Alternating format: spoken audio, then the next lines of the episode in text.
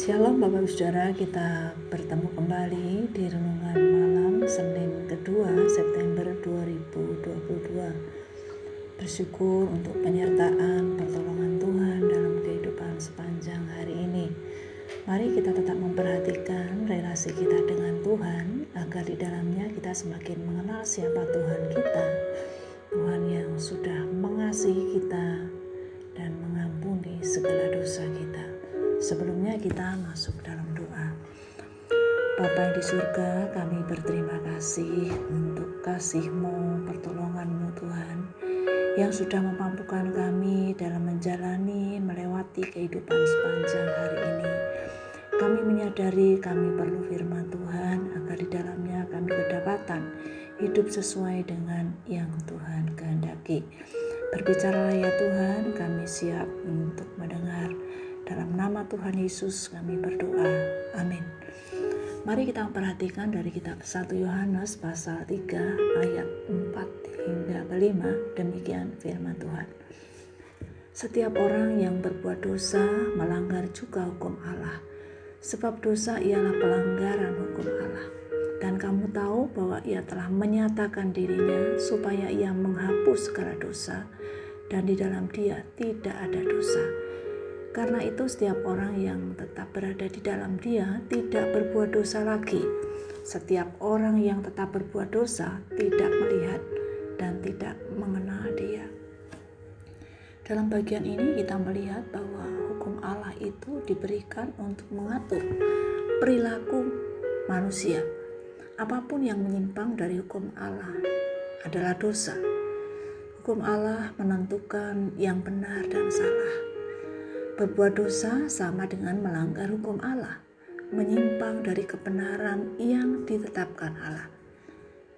Kita semua menyadari bahwa siapa pun manusia telah berdosa, yaitu melanggar hukum yang Tuhan tetapkan. Dosa memisahkan hubungan manusia dengan Allah, tetapi kepada setiap orang percaya yang mengaku dosa, dia Allah yang setia dan adil menghapuskan, mengampuni dosa kita. Kristus datang untuk menghapus dosa kita agar kita dibebaskan dari hukuman dosa.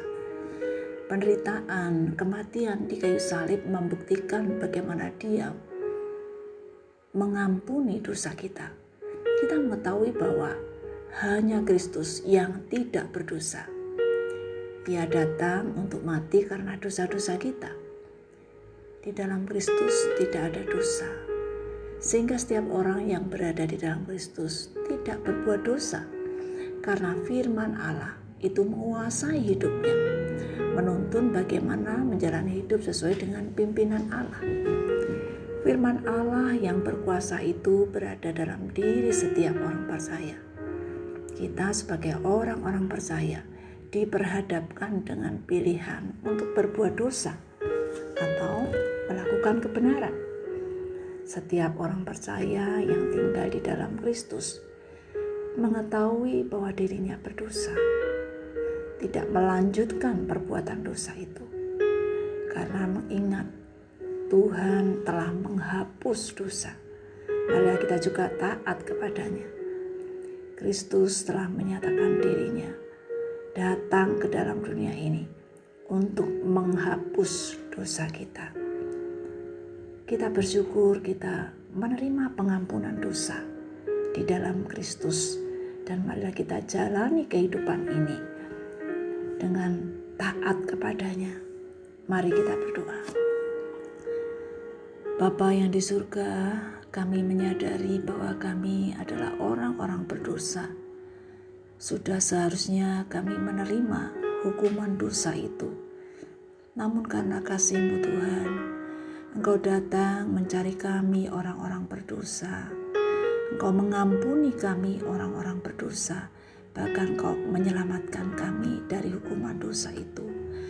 Tuhan tolonglah kami sebagai orang-orang yang sudah mengenal siapa Tuhan Yesus.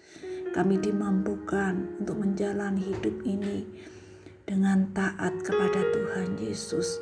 Karena kami tahu Tuhan, hanya Tuhan yang bisa menuntun perjalanan hidup kami untuk taat kepada Tuhan. Bapa, kami menyerahkan kehidupan kami dalam istirahat sepanjang malam ini, dalam ketidaktahuan kami terhadap segala sesuatu yang terjadi. Kami tetap percaya ada Tuhan bersama kami, menopang kami, melindungi kami, dan memampukan kami untuk menjalani hari-hari kami selanjutnya dengan hati yang tetap bersandar hanya kepada Tuhan. Terima kasih kami bersyukur berdoa di dalam nama Tuhan Yesus Allah kami yang hidup. Amin. Bapak Ibu sekalian, selamat malam, selamat beristirahat. Tuhan Yesus memberkati. Amin.